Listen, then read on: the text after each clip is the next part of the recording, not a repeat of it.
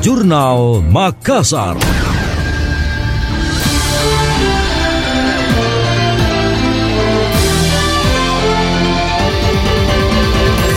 Pemerintah Provinsi Sulawesi Selatan bertekad akan menuntaskan persoalan stunting sesuai target yang ditetapkan.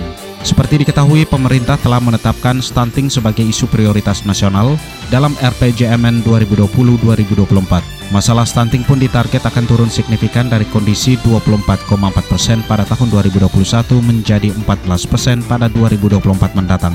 Kepala Dinas Pemberdayaan Perempuan, Pengendalian Penduduk, Perlindungan Anak dan Keluarga Berencana DP3A KB Sulsel Andi Mirna mengatakan rencana aksi nasional percepatan penurunan stunting Indonesia atau RAN pasti harus dilaksanakan oleh berbagai pihak di seluruh tingkatan daerah. Menurut Mirna dengan mempertimbangkan waktu yang tersisa Pemprov maupun pemerintah di 24 kabupaten kota dituntut untuk meningkatkan cakupan pelayanan pada kelompok sasaran percepatan penurunan stunting. Oleh sebab itu dalam penyelenggaraan percepatan penurunan stunting membutuhkan pendekatan intervensi dan komprehensif.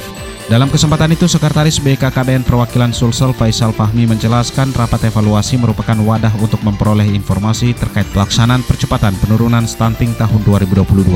Selanjutnya, hasil rapat digunakan sebagai bahan evaluasi program dalam peningkatan komunikasi, informasi edukasi percepatan penurunan stunting agar lebih efektif, efisien, dan berkualitas.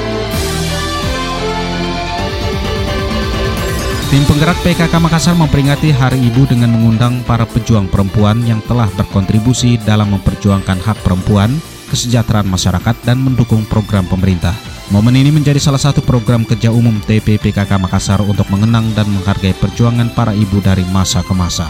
Ketua TP PKK Kota Makassar Indira Yusuf Ismail menyampaikan rasa terima kasih atas capaian dan kolaborasi yang telah dilakukan perempuan Indonesia termasuk yang tergabung dalam organisasi perempuan sekota Makassar yang telah melaksanakan tanggung jawabnya dengan baik. Di tempat sama, Wakil Wali Kota Makassar Fatmawati Rusdi selaku pembina TPPKK Kota Makassar menyampaikan apresiasi kepada TPPKK Kota Makassar dan seluruh organisasi perempuan yang telah mendukung program pemerintah. Dalam kesempatan tersebut diserahkan pula secara simbolis bantuan pemberian makanan tambahan atau PMT dan sembako sehat bagi anak stunting dan ibu yang memiliki anak stunting. Bagi anak disabilitas di momen Hari Ibu sebagai wujud tanda kasih diberi ruang untuk menampilkan kemampuannya di atas panggung. Membawakan sebuah lagu berjudul Mother How Are You Today, memecah suasana penuh kehangatan.